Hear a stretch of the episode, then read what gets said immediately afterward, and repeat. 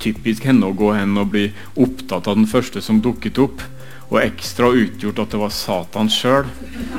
Hagearbeidet tar en uventa vending i Erlend Lo si bok 'Helvete'.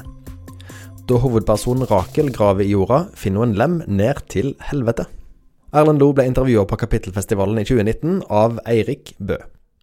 Ditt forfatterskap tenker jeg er omtrent sånn øh, Begynner med litt sånn ung ukomfortabel mann, ukomfortabel med å bli voksen og voksenverden. Og så fortsetter det inn i en bolk med bøker med litt mer satt familiemann som er ukomfortabel med middelklasselivet. Og så kommer det en bolk og, med tiltagende ukomfortabelhet og tiltagende absurde og irrasjonelle utfall og flukt fra konformitet. Og så er det dyresex og skilsmisse, og så går alt til helvete.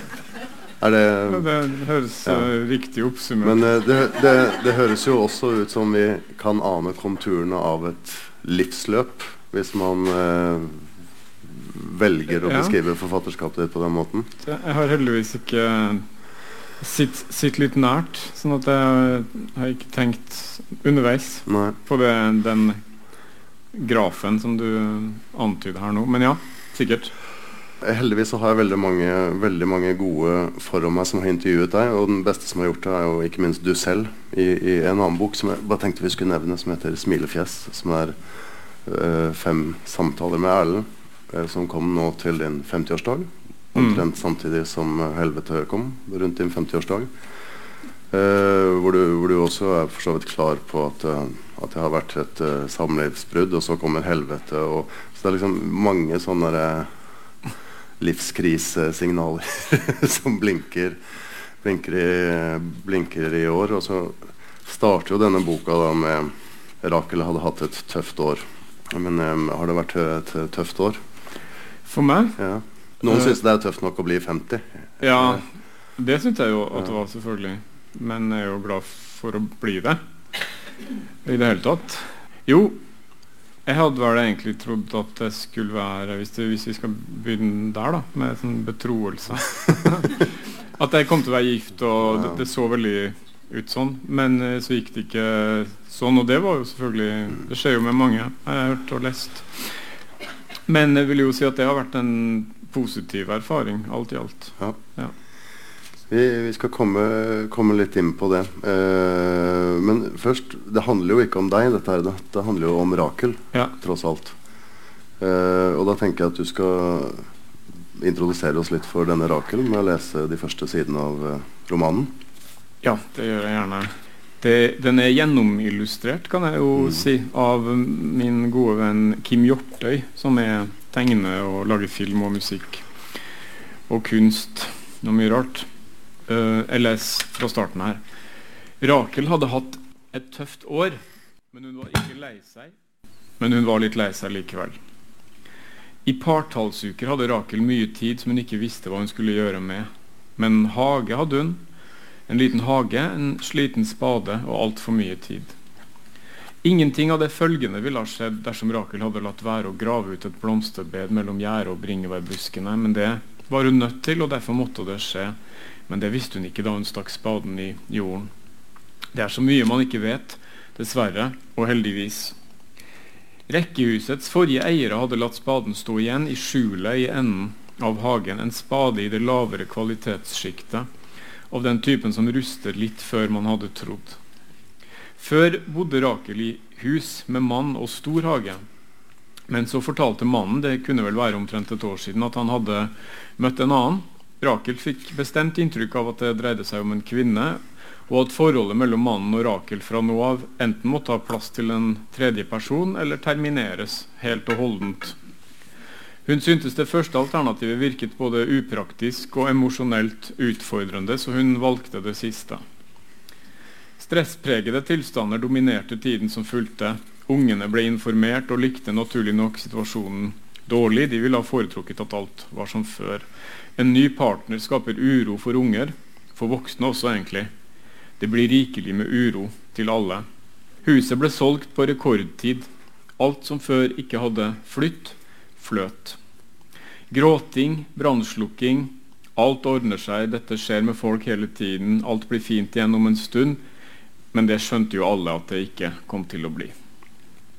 Rakel, Rakel har det tøft. Eh, dette kan vi jo kjenne igjen. Men eh, så har hun denne spaden som, eh, som, hun begynner å grave med. Og eh, det kan vi jo finne illustrasjonen. Og finner etter hvert en, en luke som faktisk fører ned i, i helvete. Og, og, og, Man kunne gjerne tro at uh, helvete her var et slags banneord eller en metafor for at ting er drit, eller noe sånt, men det er det overhodet ikke. Dette er jo helt konkret. Det er en luke til helvete ja. i hagen til Rakel. Ja. Mm. Det finnes antagelig mange sånne luker rundt omkring.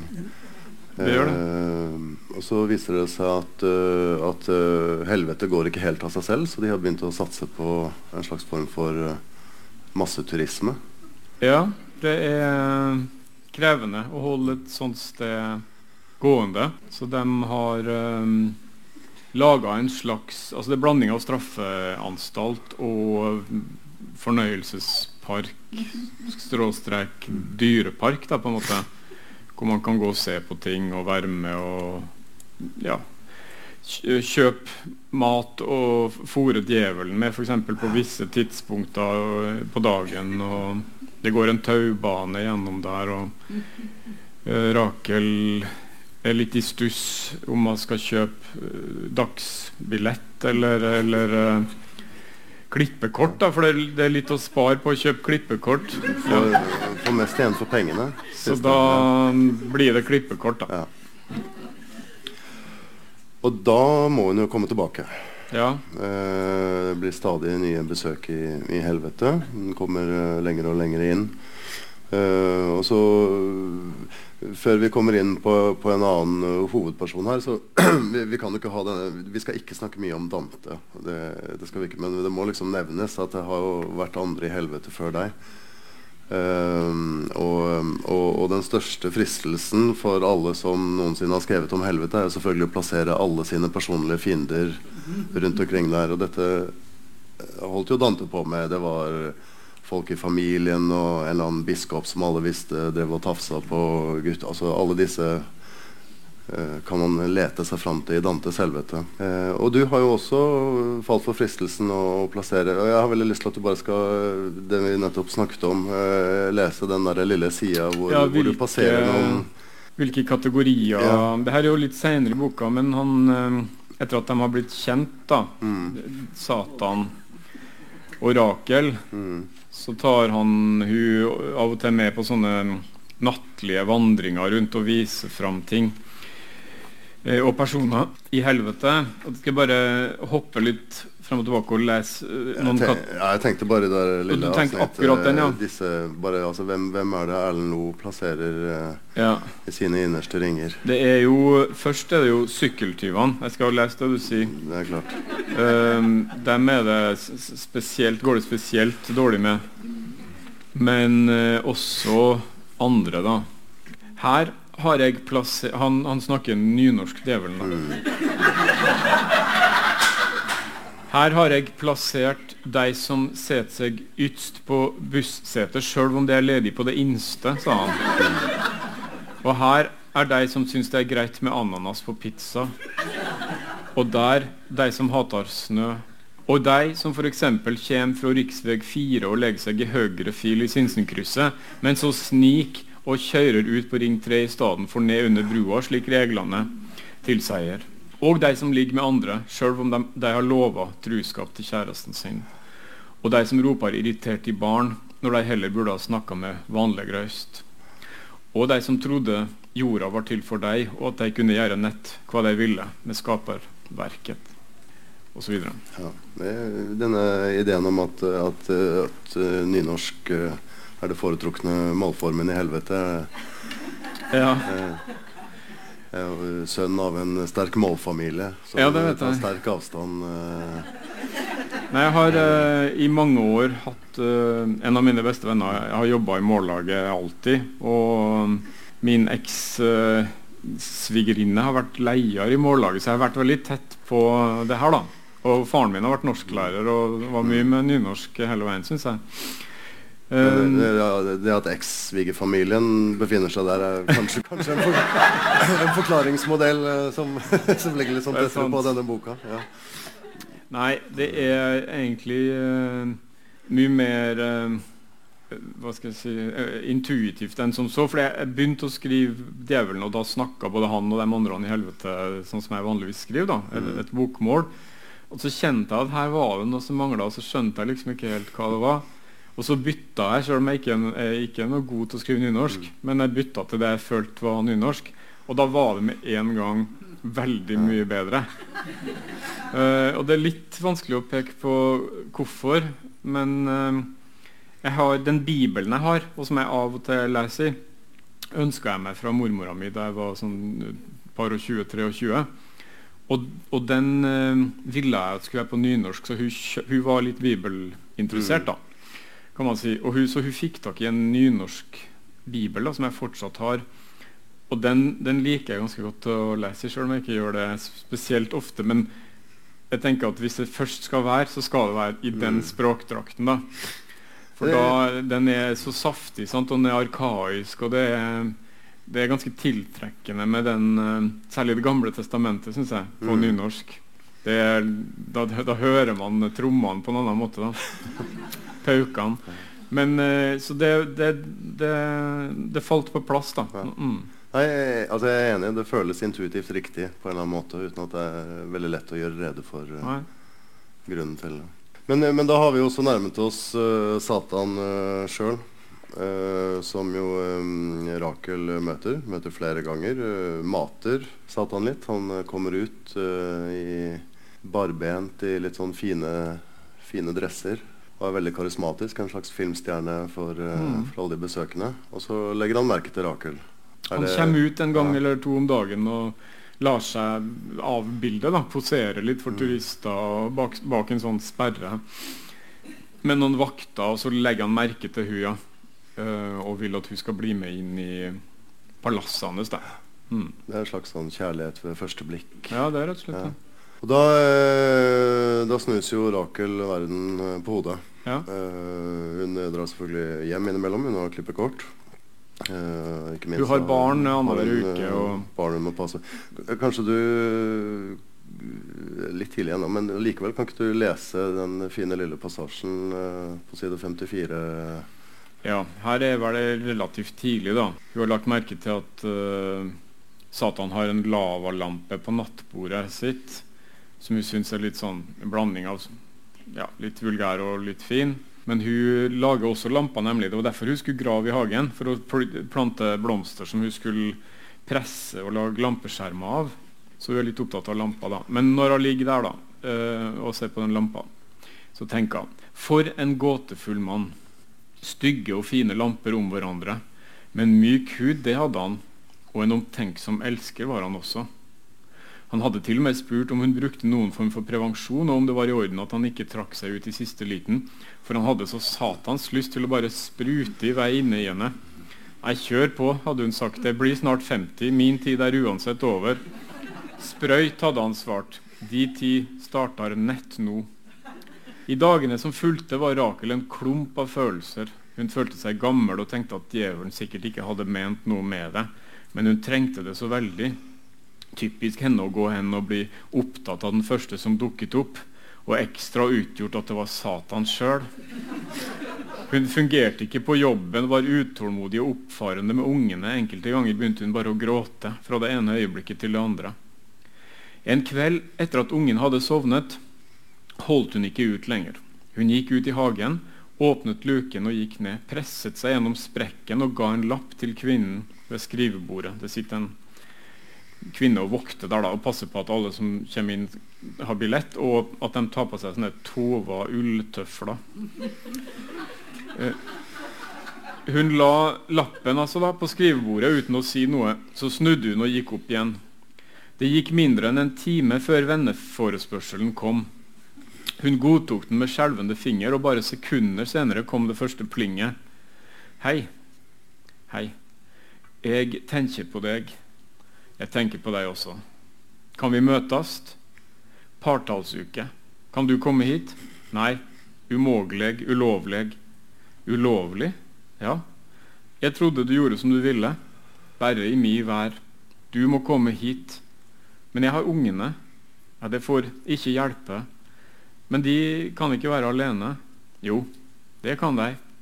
Unger klarer mer enn en tror. Men det vet vi jo ikke. Det vil helst gå bra, sier du saklig. Jeg kan be søstera mi holde ei beskyttende hand over deg. Søsteren din? Ja, hva slags type er hun, da? Hun bestemmer alt, i himmelen og på jorda. Ja, så hun er uh, Gud? Ja. Herregud, jøss. Kult. Ok, greit. Da ber jeg henne late sitt andlete lyse over ungene dine og være deg nådig i noen timer. Fint. God løsning. Jeg kommer. Vi eh, skal bevare litt spenningen. Vi skal ikke fortelle hvordan denne romansen eh, ender. Nei. Eh, det, kan vi la, det, kan vi, det kan vi la ligge. Hun eh, begynner å forsømme barna. Blir forelska. Det. Det går, det går mye til helvete. Og det rakner jo litt. Og det var- Altså Mister jobben og det gjør hun nå. Så får hun seg en liten biinntekt fra helvete. eh, viser seg å være relativt kynisk og, og flink til å finne på nye straffemetoder. Det så at han selv har gått litt tom for ideer og, og Ja. sånne ting. Men eh, det var akkurat som, eh, akkurat som det nesten var skrevet med en viss sånn eh, skyldfølelse, følte jeg. Har, har du kjent på dette her selv? Dragning mellom eh, nytt liv og, og gammelt liv? Ehm, Ja, det har jeg jo absolutt. Jeg har jo også opplevd um, en um, forelskelse for første gang på kjempelenge som, som blir veldig overveldende. Da. Jeg hadde nok ikke kunnet skrevet det ellers. Men sånn er, er jo livet. Man må jo bare ta det som kommer. Liksom. Mm. Det som viser seg her, da eh, Du snakket jo, du var, inne på det litt med nynorsken. eh, Han er jo litt gammeltestamentlig. Så, så kommer deres første eh, kjærlighetskrangel. Mm. Eh, og dette sa du jo også i sted, også, at han har en ring for de som har eh, for så vidt vært utro mot kjæresten sin, selv om han har lovet dem troskap og sånne ting. Ja. Da, da syns Rakel at han, han har ikke fulgt helt med i tida. Nei. Det skjer Eh, ganske ofte. Han, ja. han burde rev, revidere liksom, de statuttene. da. Ja. Men, eh, men det er jo ikke han som bestemmer, det er søstrene som bestemmer. da. Mm. Og han kunne jo for så vidt tenkt seg å roe litt ned og ja, gjort litt andre ting, men Mm. søstera er veldig streng. da. Ja. Han har heller ikke lov til å ha kjærester, f.eks. Så det skjer i skjul og med fare for ja, straffeforfølgelse fra den litt skumle søstera. ja, for hun er litt prippen. Altså, Hun er old school. En eh, hevngjerrig, ja. gud. Han er eh, en litt mer levemann, egentlig. Bare Ja. satt til å forvalte dette. Han, hun er veldig eh, hard, og Satan syns jo at hun har vært altfor hard med sønnen sin. da. Ja. Han, eh, han er helt, helt ødelagt. Han er helt ødelagt, for han måtte liksom ta alle synder på seg og ble hengt spikra på et kors. Og han har liksom ikke vært seg sjøl siden, da. Så han eh, Han er sjuskete og uflidd og spiller litt gitar og får liksom ikke til noen ting, da. Mm. Dette er jo eh, opplagt eh, veldig morsomt. Eh, og du er jo eh, kjent for å være en veldig morsom forfatter. Eh, og så er jo det også Og jeg har lyst til å komme inn på det, for jeg liker den diskusjonen veldig godt. Altså dette her med humor i, i, i litteraturen. Som, eh, og, og, mange av mine yndlingsforfattere også eh, er altså, av de norske type Frode Grytten, Ragnar Hovland og du eh, som bruker på absolutt hver deres måte mye humor i litteratur, men føler at man litterært sett liksom aldri blir tatt helt med i den derre store, seriøse litteraturen når man eh, skriver humoristisk. Dette har du jo uttalt deg om flere ganger, men eh, Ja, sitter det fremdeles i? Svaret på det er jo at jeg skriver sånn som jeg må skrive fordi det er sånn jeg skriver. Så jeg, jeg kunne ikke valgt å skrive på så mange andre måter. Eh, Så, sånn har det vært hele veien. Jeg tror jo at i hvert fall de fleste forfattere jeg kjenner, har et ganske smalt register når det kommer til stykket. da. Og så skriver de omtrent de samme bøkene, Mm. Men på måter som selvfølgelig variasjoner, og man utvikler seg og kanskje blir bedre. eller i hvert fall annerledes. Det er, det er jo denne fordommen med, med, med at humor på en eller annen måte er overfladisk. Og, Ja. og, og du, uh, du har jo som sagt dette intervjuet med deg selv, da, hvor, hvor jeg syns du stiller veldig mange gode spørsmål uh, til deg selv. Mm. Uh, og svarer også godt. Men så har du også flere steder sagt at du, at du, at du mest skraper i overflaten. Det vet jeg ikke om jeg er helt enig i, men når du sier det, mener du liksom av alle muligheter, eller i ditt eget liv, eller uh, i forhold til en eller annen idé om dybde? Nei, det der er en veldig god og veldig komplisert diskusjon. Jeg kan jo tenke noen ganger at her sitter jeg og finner på ting og tøyser, da. Mm. Uh, og så vet jeg jo at det finnes ting i verden, og i, også i mitt eget liv og familie, og, som er tung og alvorlig, og som jeg ville ha nærma meg, på en måte. Og av og til så tenker jeg jo at mye av det jeg har skrevet, har jeg skrevet fordi det fins andre ting som jeg, ikke, som jeg velger å ikke skrive om. da. Jeg har jo i motsetning til han som du har starta eller jobber i forlag med, ikke, altså Knausgård, ikke skrevet veldig tett på, utlevert folk som står meg nær. Jeg er heller ikke så sint. Nei, altså Som skilsmissebøker så er vel 'Helvete' og 'Våren' for eksempel, ganske forskjellige. Det må Ja, det må være ganske forskjellige bøker. Og så legger jeg jo også merke til at stort sett forfattere som altså, løftes riktig høyt opp, da er det alvor. Altså, da er det intensitet og inderlighet, store bevegelser, store emosjoner. Humor er på en måte en slags biting der, som kan være Hvis det er litt humor, så gjør det kanskje ingenting, men hvis det først og fremst er humor, så er det ikke status, da. Men jeg nok Men humor er jo smartere. Ja, men det er ikke alltid man vil ha det så smart. Altså Jeg legger jo merke til at filmer og TV-serier sånn som jeg liker, som jeg tror er kjempebra, ofte blir sett av veldig få. Mm. så så det, det der er jo ting jeg ikke, ikke kan. Her, altså Her om dagen så intervjua jeg Jo Nesbø i Trondheim for to dager siden, og han intervjua meg. Vi gjorde det sammen. Og da leste jeg hans nye bok, og det, jeg hadde ikke lest noe mye av det før. Og da slår det meg jo Det der, kan jeg, det der kunne jeg ikke skrive. Selv om jeg hadde prøvd, så hadde jeg aldri fått det til. på en måte. Nå er jo ikke det heller eksempel på det du antyder nå, da. Men det er i hvert fall noe folkelig, noe som fryktelig mange har lyst på. Men Det er kanskje fordi Også- det er plottorientert, mens det du holder på med, skjer jo mer i språket. Altså, Ja, det, det er ofte sånn man sier om veldig høyverdig litteratur og lyrikk, og sånn, men det gjelder jo også det Ja, da, meste jeg er nesten bare opptatt av språket. Det er nok ingen som kjøper mine bøker fordi de er så spent på hva som skjer. Eller det Ja, det skjer jo ganske mye absurd, så man blir jo litt spent, da. Jo, men du finner ikke det, den, eh, det, det frøet på side 17 som du tenker senere oh, så slu han var som planta det. Sånn er det ikke. Nei. Nei, det, det holder jeg ikke på med. Det er med. formuleringene. Ja, det, Mm. det er det jeg, jeg liker, da. Uh, men jeg syns altså, Det er jo mange, fors, eller mange ulike typer humorister, ulike typer humor. Uh, jeg syns jo at min Den har noe melankolsk over seg. Den har et, et alvor i seg, og en, ja, forskjellige ting. Så det er jo ikke, det er jo ikke vitser, f.eks. Så der er det jo så mange nyanser. da. Eh, Jeg, jeg så deg eh, forrige helg intervjue en annen forfatter. Altså at du satt i denne stolen. Ja. Og det, det som slo meg da øh, Nå har jeg faktisk glemt navnet på under intervjuet, men en øh, annen forfatter som da også opplagt øh, bruker humor. Mm. Og jeg satt jo og skulle forberede meg til dette, og jeg følte jo at du egentlig satt og intervjuet deg selv.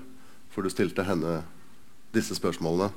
Eh, og da, da tenkte jeg egentlig kunne vende de spørsmålene mot deg, som du spurte henne om. Okay. Uh, du begynte vel med Er det seriøst å skrive morsomt? Ja, nå prøvde jeg å, å huske på navnet hennes. Hun heter Sjade. Ingvild Sjade. Det var det. Ja, jeg spurte Jeg sa det. Ja. Er det seriøst å skrive morsomt? Ja, jeg mener jo at det i høyeste grad er det, og at mye av mange av dem som jeg syns er fryktelig gode, også er morsomme, og at det, det er veldig liten Hva skal jeg si det, det, det er ikke nødvendig å bli utelukka nødvendigvis fra det gode selskapet, og det føler jeg heller ikke at jeg blir. Nei. eh, fordi man, man I, aller, morsomt. I aller høyeste grad en feiret forfatter. Ja da. Men altså, Thomas Bernhard, da, for å ta han mm. som eksempel, som er en østerriksk forfatter som jeg liker fryktelig godt, han er jo hardcore. Sant? Han er sint. Han er ødelagt på mange måter. Forferdelig oppvekst under krigen og sengeveter som har blitt hengt ut på nazistiske ungdomsleirer. Altså, der er det fryktelig mye sinne. Og, og, hat mot nasjon og, og, familie og fryktelig mye. Men han er også veldig morsom. På sitt morsomste er jo han eh, og, det, det nesten jo, en humorist. Ja, han er jo det. og det blir jo morsomt for fordi det er så tungt. Altså, mm. midt i den, Det hadde ikke vært å holde ut hvis han ikke også hadde sarkasmen mm. og det blikket i seg. da. Det er kanskje neste spørsmål du stilte deg selv, mener jeg da, i den sammenhengen, er det en flukt å skrive morsomt? Eller så ja, fortsatte men... du med Er det noe du vil tøyse bort? du fulgte med. ja. Nei, jeg, som jeg antyda i sted, så mm. finnes det ting som jeg kunne ha tenkt meg å skrive om, som jeg kvier meg for å skrive om fordi folk er folk og står meg nær og lever og har krav på sine. Uh, så velger jeg foreløpig å gå en annen mm. vei. Men om jeg da tøyser bort det egentlig Nei, gjør jeg ikke. Det ligger et eller annet sted og, og koker og putrer, liksom. Um, men det kan jo fort være sånn at det er en lettvint mm. løsning, da. Um, for å komme seg unna en smerte man ikke vil kjenne på. Det er kanskje relatert også til uh, det intervjuet hvor du faktisk intervjuer deg selv, og ikke uh, Schade. Eh, så, eh, så, stiller du deg selv Eller kan lese en liten replikkveksling du har med deg selv. Ja. Eh, Erlend som intervjuer spør da Har du vært for lett. Har ting vært for lett for deg? Er du en lettvekter? Dette syns jeg kanskje er et litt ydmykende spørsmål. Svarer du da? Og så sier du Men svar, da. Jeg, jeg nekter, svarer du. Og kom igjen. Og så skal jeg huske hva jeg svarer? Nei, nei, men det, du kan bare svare og komme igjen. Syns du syns, altså, du, du, du, er jo Det skriver du om og sier mye om. Altså, du, det kommer jo lett for deg å skrive. Ja. Og det er, nest, det, altså, det, er, det er, jo nesten også forbundet med en viss skam. Altså, det skal, ja, det skal faktisk, gjøre så vondt ikke sant? Det skal gjøre vondt. Det skal gjøre vondt, og, ja. og det skal slite. Og det, i hvert fall er det de altså, Jeg har også respekt for de forfatterne. Og men jeg legger merke til når visse forfattere har jobba i sånn, åtte år med ei bok og, og lanserer den, så går det liksom et sus gjennom forsamlinga på en annen måte. da. Mm. Oh, det her har kosta blod, og det er sikkert veldig bra. Og det er ofte veldig bra. Men det er fryktelig mange måter å gjøre det på. Så det Som, som jeg var innom i sted, jeg skriver omtrent akkurat de bøkene som jeg kan skrive. Mm. og jeg skammer meg ikke for det. Nei, det er det jo heller ingen grunn til. Så uh, har du en annen passasje der som kommer deg litt nærmere inn på livet, da, men det har du jo valgt selv uh, å si noe om. For dette er jo en uh, Vi kaller det jo en, en, skilsmissebok. Og så kommer du inn på dette i intervjuet med deg selv her, og så sier du kanskje en grunn til at det ikke skal bli så veldig tungt. Uh, og jeg har det veldig mye bedre enn før. En dør åpnet seg som jeg ikke tenkte kom til å åpne seg. Jeg er glad hele tiden og full av energi. Jeg har et atomkraftverk i magen. Sover mindre enn før. Våkner og smiler. Jeg har hatt det bra før, men ikke sånn som dette. Uh, så spør du deg selv, eller sier Din kontorkollega Per mener den gleden kommer til å drepe forfatterskapet ditt. Per er en fjompenisse. Han tar feil. Jeg har allerede skrevet to bøker etter at dette skjedde. Jeg tror ikke han tviler på at du er i stand til å skrive bøker, men han tror de blir dårlige. Jeg har aldri kjøpt tanken om at lidelse skaper god litteratur. Det kan naturligvis gjøre det, men det fins gode og dårlige bøker både fra folk som lider, og fra folk som har det greit. Dessuten vil jeg heller ha det bra enn å skrive romaner som blir bitre fordi jeg savner noe viktig i livet mitt. Ja, det syns jeg var godt. Ja, veldig, veldig godt sagt. Du virker jo ikke veldig lei deg over denne nei, nei, nei. skilsmissen? Jeg virker ikke så lei meg over min egen uh, skilsmisse, nei. Min, mye mindre enn jeg ville ha trodd at jeg skulle være. Men bare for å kommentere det med eh, letthet, som, som, har slått meg mange ganger. Ja, det har kommet lett. Det har vært lett å skrive. Jeg, jeg ser fram til hver gang jeg sykler til kontoret for å skrive. og, og, med det så har det ligget en viss sånn skam i bakhodet. For det her er jo mm. skjønt at sånn skal det ikke være. Det skal være kjempevanskelig å skrive. Man skal ikke ha det gøy. Og hvis du har det morsomt, så er det veldig god sjanse for at det ikke egentlig er bra. da. Uh, så det har jeg følt på uh, noen ganger. Men så har jeg bare akseptert at nei, men sånn, sånn er jeg. Så, og da blir det som det blir. Og det fins veldig mange andre bøker for dem som vil ha det. da. Det skulle vært, det skulle vært sånn, de skulle vært merka med hvor vondt det har vært å skrive i ja. bokhandelen. Som en sånn, sånn, en sånn taco, tacosausindeks. det har vært veldig bra. Og dyrere jo vondere det har vært ja. å skrive. Nå, nå vil du ikke tjent mer penger. Når en mann på 50 eh, introduserer i første setning 'kvinnelig hovedperson 50 har hatt et tøft år', så føler du at det er grunn til å tenke nø nøkkelmann. Du føler at det er liksom det, ja, ja. Liksom, sånn sett står det meg nærmere, ja. mer direkte enn mye annet jeg har skrevet. Ja. Men så, men så, er det jo et lag av nesten fantasy her, da, ja. som jeg ikke vanligvis nærmer meg. Men, men er, det, er, det, ligger det Altså, eh, du, du, du, har jo en, en, uh, opplevd kjærligheten igjen og, og, og, sånne ting. Og så denne Rakel blir jo da sammen med Satan. Altså, det, det høres ut som det er et snev av skam over at livet går videre også. Ja, skam og skam. Men det kan du si alle, alt det man At det er farlig? Um, når man har levet liv i mange år, flere tiår, med en annen person, man har barn, man har ting og hus, så er det, det er forventninger knytta til det. Man ser for seg hvordan det her skal på en måte fortsette, og hvordan det skal rundes av, og hvordan man sammen har båret de barna så godt og så høyt som man kunne. Og så blir det avbrutt. Og det er jo en um, følelse av uh, mislykkahet knytta til det. Mm. Vi fikk ikke til det. Um, men igjen, jeg har levd tett på og også sett folk som jeg har tenkt burde ha gått fra hverandre lenge før. Og det er jo heller ikke riktig, sjøl om det kanskje føltes, ville ha føltes riktig for barn der og da, men når det barnet ikke lenger er 14 eller men 30, så er kanskje effekten motsatt. Mm. Ok, dere holdt sammen pga. meg eller oss. Uh, var det greit? Det teatret eller det skuespillet som ble mm. oppført der, det, ville jeg liksom kanskje sluppe, da Heller. Det er selvfølgelig veldig individuelt, men, uh, men det er både òg. Absolutt. Mm. Rakel er jo veldig bitter ja, hun, her er det jo utroskap og en ny uh, person, da. Det blir man jo bitter av. En person med en uh, irriterende, perlende latter. Ja. Det er det menn uh, faller for. Ja. Kvinner med perlende latter. Jeg hadde egentlig lyst til at du skulle Vi begynner å nærme oss slutten. Om du vil avslutte med en, noen sider til? Ja. Det gjør jeg gjerne. Jeg hadde en tanke her. Skal vi se, hva var det? Jo, her er Satan som snakker om uh, konstruksjonen og, som, som, han uh, har levd i. da. Vi laga noen en, enkle regler og delte verden i to. De mennesker har tolka og forvanska alt sammen, men i Røynda er det fryktelig enkelt. Søstera mi gjev dykk livet og den gode døden. Jeg gjev dykk smerta og den vonde døden. Han strøk en finger over en innplastet løvetann på lampeskjermen.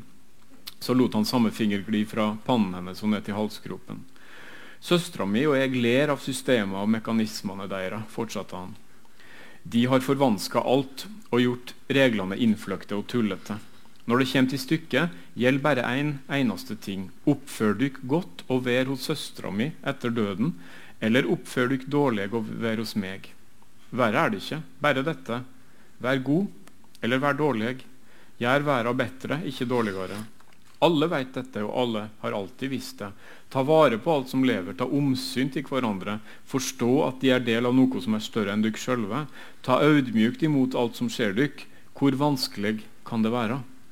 Han ristet på hodet.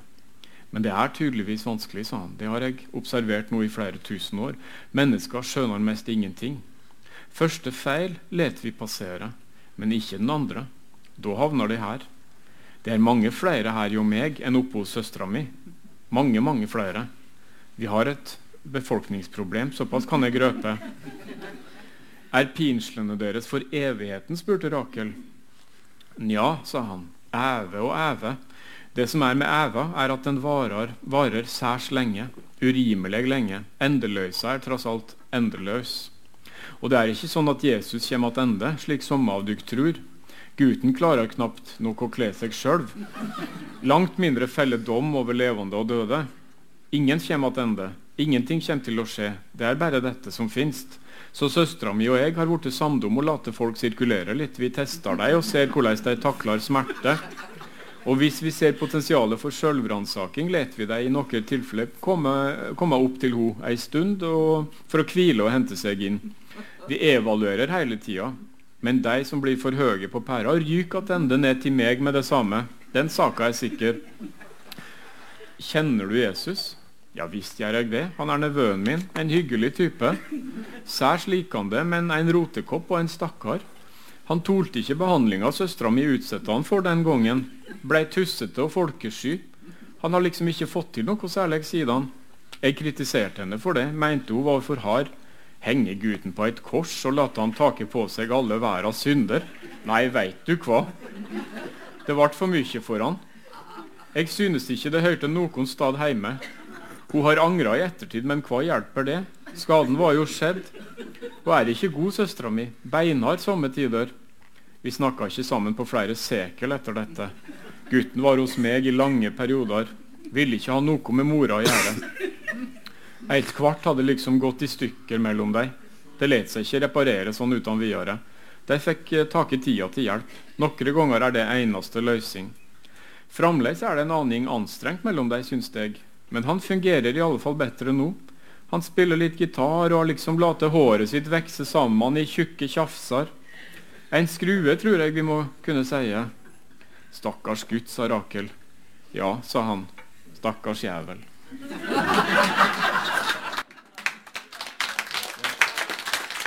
Jeg leste et intervju du ga for en, eh, et år eller to tilbake, tror jeg det var.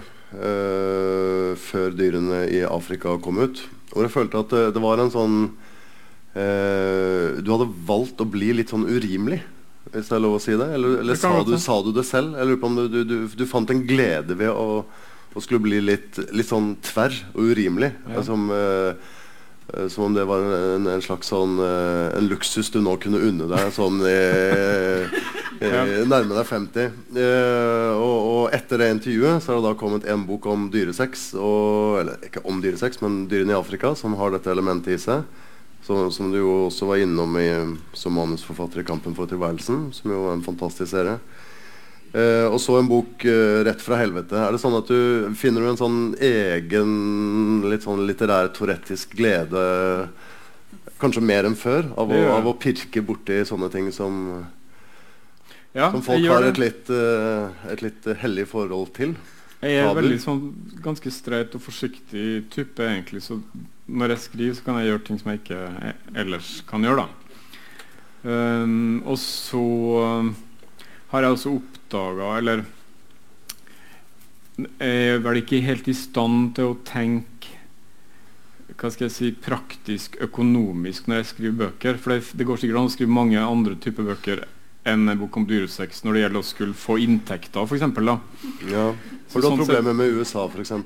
Du, du, er jo oversatt til engelsk. Jeg vet at det er Jo, jeg har ikke hørt noe fra noen om de skal oversette Nei. den. Det var presentert den i Spania, og det skjønte de veldig lite av, tror jeg. Derfor vi, nesten et malapropos, vi hadde en av våre bøker, fantastiske boka som heter 'Svar på brev fra Helga', som ble kjøpt av Amazon Books når de skulle starte egen. Mm. Kjempeopplegg og sånn, og så bare ble den dumpa. forsvant de, Plutselig så skjønte de ja, det som sto uh, et lite avsnitt her med både ja, sau og mann og påfølgende selvmord. Og da tikka det av sånne bokser i, ja. i amerikanske sånn markedsavdelingen at da er du selv, uselgelig. Men det er jo også en litt deilig ting. Fordi altså, jeg er jo I tillegg til å være forfatter, skjønnlitterær forfatter, så er jeg manusforfatter. Altså filmmanusforfatter. Det er det jeg er utdanna som, og det er det jeg har papir på at jeg er. Og, er, og, og jeg jobber som det. Så de siste årene så føler jeg at jeg tjener egentlig lønna mi på det. Og da blir bøkene veldig et fristed. Jeg trenger mm. ikke å tenke at her altså på teknikker som ville ha gjort uh, det, teksten annerledes. da. Kanskje mer uh, salgbar. Og, og, det ville jeg jo forakta i meg sjøl hvis jeg gjorde også, da. Det er veldig deilig å ikke trenge, Ja, det er trenge å selge seg på den måten. Men jeg, altså, litt av grunnen til at jeg nevnte det, er jo at du har jo Vi må nevne den lille episoden her for en uke eller to siden hvor eh, hvor det var en av de amerikanske presidentkandidatene som eh, dro fram eh, deg som, eh, Ja, som en yndlingsforfatter. jeg har hørt om det. det Jeg er klarer ikke engang å uttale navnet hans. jeg, har, jeg tror det er Buttigieg. Pete Buttigieg, Ja, som er han Hvis er, du leser det, så er det som ser ut som butterdeig. ja, Ja. Han er um, borgermester, ordfører i en, Ja. et sted i Texas. Homofil, kristen, eh, moderat, eh, altså demokratisk Mm. presidentkandidat som neppe når opp med det første, da, men tydeligvis kjempesmart. Og har lært seg norsk. Ja.